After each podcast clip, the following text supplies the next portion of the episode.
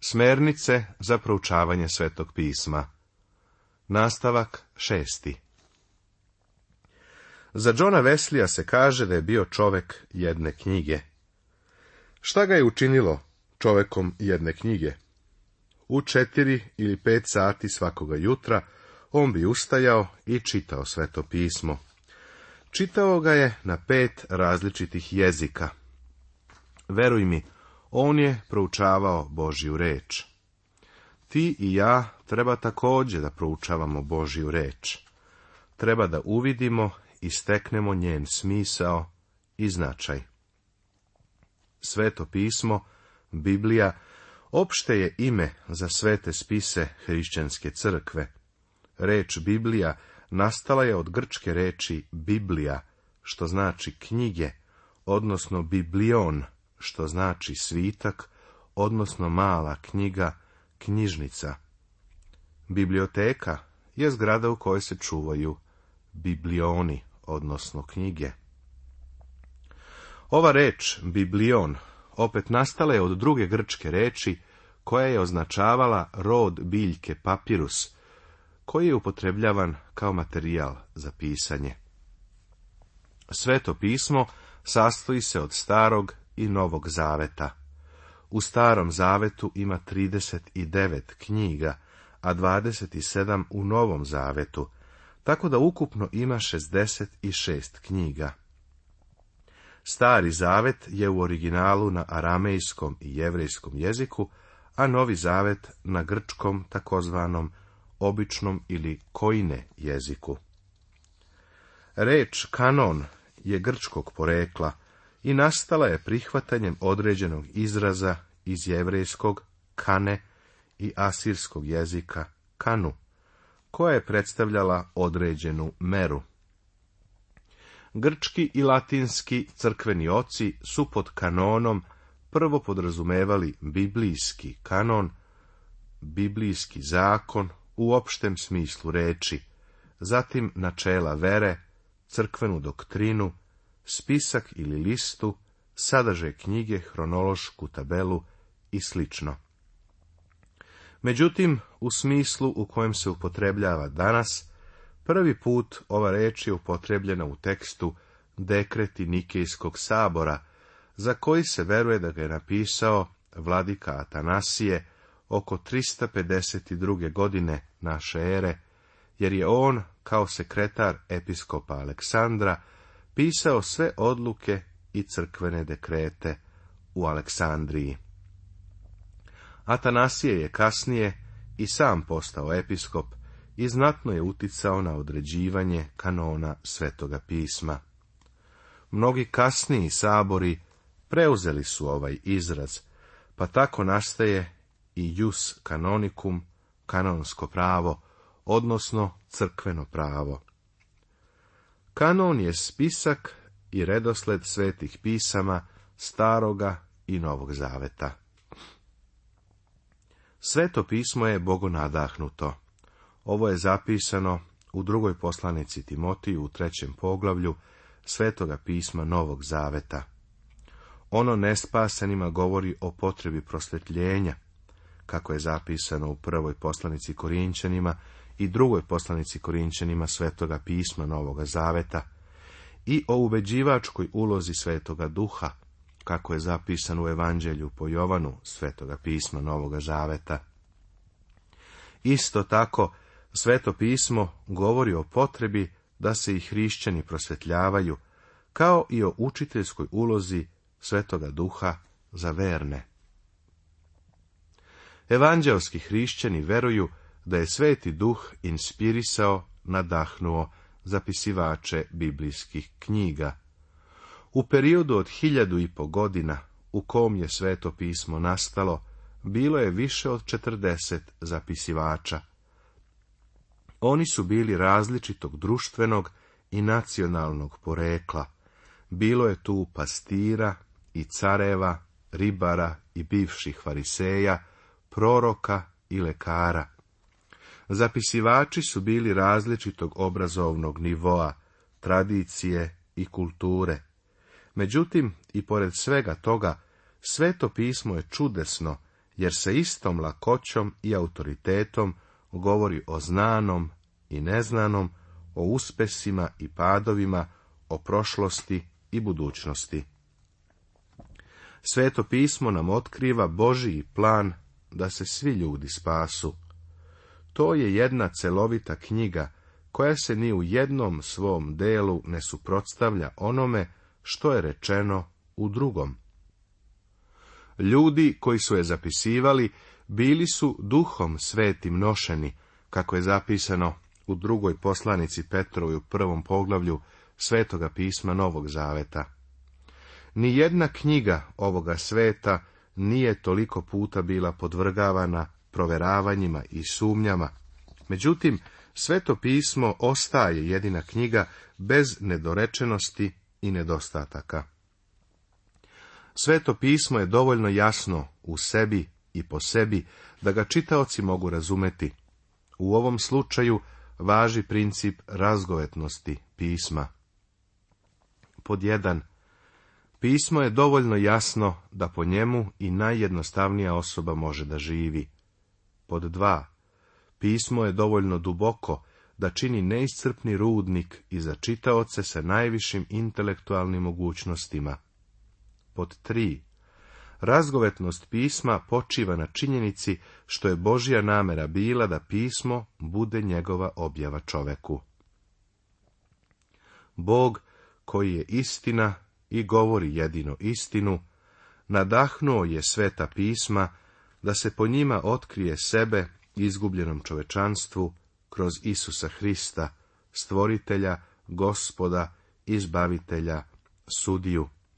Sveto pismo je Božije svedočanstvo o njemu lično.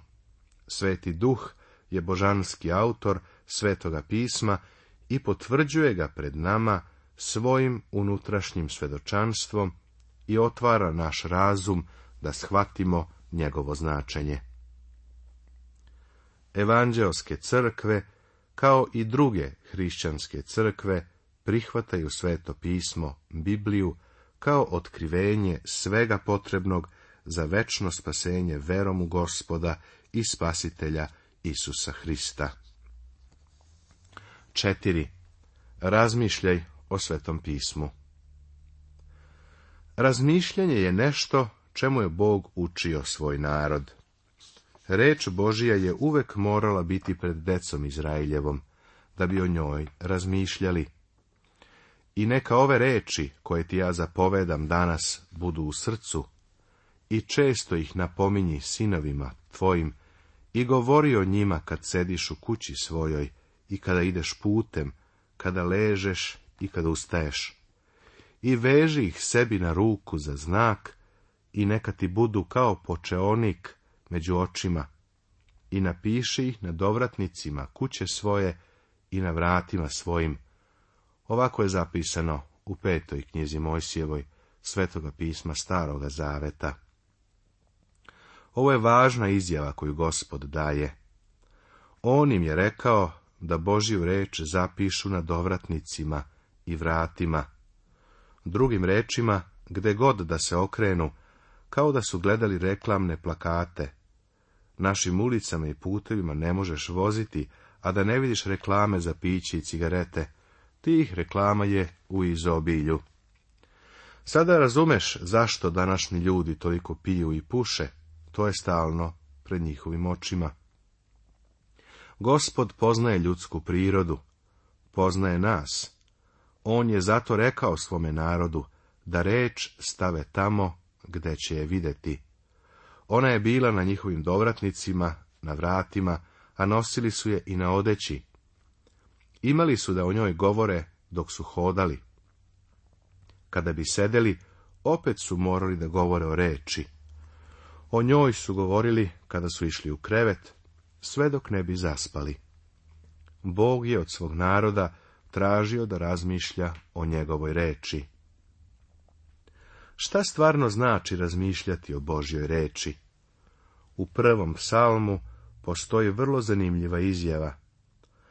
Blago čoveku koji ne ide na veće bezbozničko i na putu grešničkom ne stoji i u društvu nevaljalih ljudi ne sedi, nego mu je omilio zakon gospodnji i o zakonu njegovu misli dan i noć.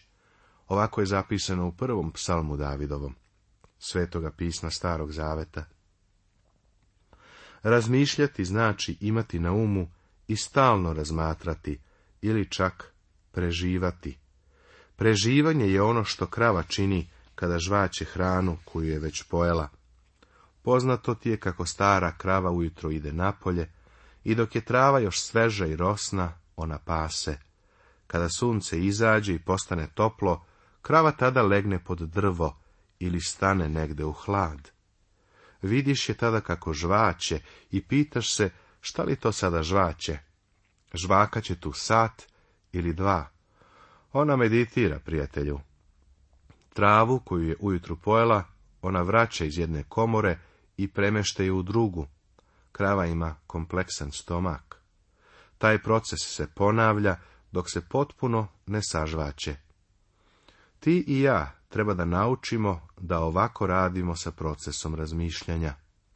Treba da uzmemo Božiju reč, da je čitamo, da je držimo tamo gdje ćemo moći da je gledamo, zatim da o njoj razmišljamo, pa onda ponovo proveravamo šta su drugi rekli o tome i da i dalje čitamo.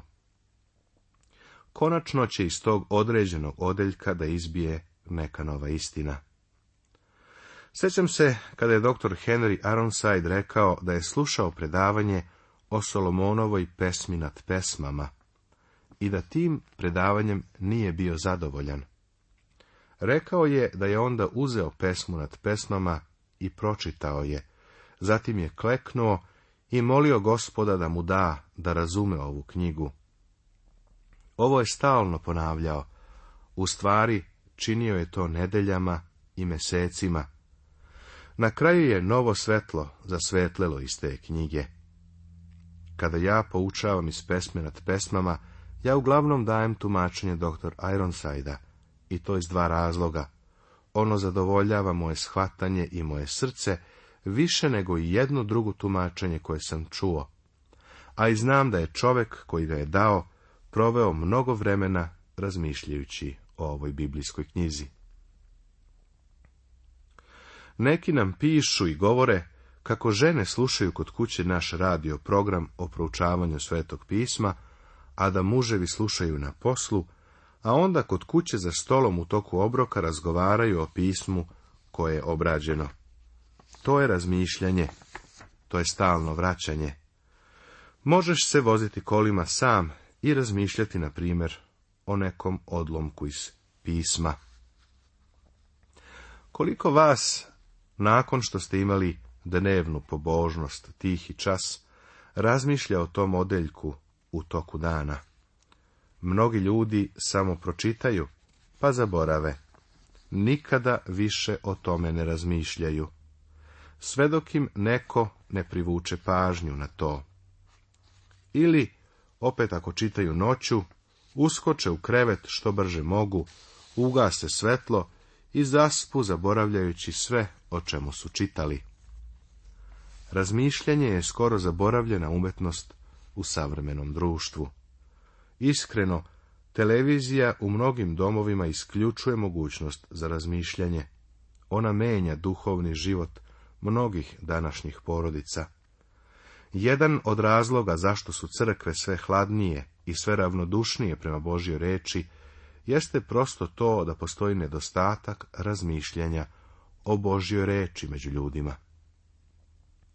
Sjeti se samo etiopljanina Evnuha, koji se vozi i čita knjigu proroka Isaije, kako je zapisano u knjizi Dela apostolskih Svetoga pisma Novog Zaveta. On je u stvari proučavao proroka Isaiju, jer je bio kod odeljka sa kojim je imao problema. Nije znao šta taj odeljak znači. Evo čoveka koji čita i razmišlja, a duh Boži će mu otvoriti Božju reč. Baš zato je Duh Sveti doveo Filipa tu, da objasni poglavlje Etiopljaninu. To je za njega otvorilo novi svet i upoznao je Hrista. Izveštaj kaže da je otišao putem radujući se. Zašto se radovao? Jer je razmišljao. Vratio se ponovo na tu 53. glavu Isaije. Da li si ikada razmišljao o tom jagnjetu koje je zaklano? Ko je on bio? Došao je sa neba i poistovetio se sa nama, koji smo kao ovce zastranili i svi otišli svojim putem. A gospod je na njega stavio nepravde svih nas. Razmišljaš li o ovim stvarima? Etiopljanin je razmišljao. Uvijek je bilo nagađanja o tome šta je on posle toga učinio. Tradicija kaže da se vratio u svoju zemlju i osnovao koptsku crkvu u Etiopiji. Vrlo moguće da je tako bilo, ali to ipak ne znamo sa sigurnošću. Međutim, zanimljivo je da je otišao svojim putem radijući se, što nam govori da je razmišljao o Božjoj reči. Peto. Čitaj ono što su drugi napisali o pismu. Znam da ovo može da bude opasno pravilo, jer mnogi se oslanjaju na to šta neki drugi kažu o Svetom pismu. Također, na tržištu ima dosta knjiga koje daju sumnjivo ili pogrešno učenje u vezi sa Božjom rečju. Kroz samu Bibliju treba da ispitamo sve što je pisano. Međutim, treba da konsultujemo dobre komentare. Sa pregledom knjige iz Biblije ja sam preporučio i knjige i komentare koje sam pročitao i koje smatram korisnim. Vidjet ćeš da će ti biti na pomoć ako budeš pratio ono što su drugi napisali. U stvari, tako dobijaš prerađenu materiju i studiju koja je trajala vekovima kada čitaš knjige koje su napisali ljudi, koje je u proučavanju vodio duh sveti. Ovo treba da nam služi na korist. Ima divnih, iscrpnih dela i radova na biblijskim knjigama. Pored komentara, od neprocenjive važnosti je i konkordancija. Također će ti biti potreban i jedan dobar biblijski rečnik. Svaki učitelj i propovednik evanđelja treba da ima komplet knjiga koje proučava. One su mu potrebne, Neko se zapita da li treba da predstavi doslovno sve što je neko drugi napisao. Ne, naravno, to nikada ne treba činiti, osim ako se time ne odaje priznanje autoru, ali on ima potpuno pravo da upotrebi nešto što je neko drugi napisao. Rečeno mi je da su neke moje istrpne poruke neki drugi ljudi koristili u svojim propovedima pa se nekada odalo priznanje autoru, a nekada se autor nije ni spomenuo. Što se lično mene tiče, nema veze, ali to otkriva karakter pojedinca koji koristi tuđi materijal doslovno, a to ne ume da ceni. Jedan profesor na teološkom fakultetu je rešio ovaj problem. Kada ga je neko upitao da li treba citirati druge autore, on je rekao, treba da paseš na svačijoj ispaši, ali da daš svoje mleko. Ovo znači da treba da čitaš ono što su drugi napisali, ali da treba da uklopiš u svoj sistem i da izraziš na svoj način. Imaš potpuno pravo tako da učiniš. Važno je da iskoristimo proučavanje koje su drugi ljudi sproveli na Božjoj reči. Budi poslušan svetom pismu. Da bi se pismo shvatilo i proučavalo, od suštinske važnosti je poslušnost. Avram je primjer ovoga. Bog mu se javio kada ga je pozvao da izađe iz Ura Haldejskog i ponovo kada je ušao u obećanu zemlju. Ali Avram je pobegao u Egipat kada je došla glad, pa u toku toga vremena Bog nije imao reč za njega. Ne, sve dok Avram ponovo nije bio u svojoj zemlji, tada mu se Bog ponovo javio. Zašto? Zbog nedostatka poslušnosti. Sve dok Avram nije bio poslušan onome što mu je Bog već bio otkrio, Bog nije bio spreman da mu da novu istinu. Tako je i sa nama, kada smo poslušni, Bog nam otvara nove istine. Čak i evanđelje, koje je dato na spasenje našim dušama, dato je sa vrlo određenom svrhom poslušnosti. Najveći dokument ikada napisan u evanđelju jeste poslanica Rimljanima. Pavle evanđelje uvija u poslušnost. Počinje ovako. Njegovim smo posredstvom dobili blagodat i apostolstvo da za njegovo ime privedemo poslušnosti i veri sve narode, piše u poslanici Rimljanima Svetoga pisma Novog Zaveta u prvom poglavlju. Ponovo na kraju poslanice Rimljanima Pavle se vraća na ovo. A sad se javila i kroz proročka pisma obznanjena svima narodima po zapovesti večnoga Boga, da bi se pokorili veri. Tako piše u 16. poglavlju pokoriti se veri ili poslušnost vere, posljednje je o čemu Pavle govori u ovoj poslanici. Šta je između?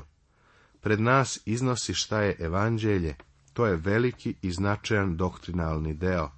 Zatim zaključuje odlomkom o dužnostima šta treba da radimo.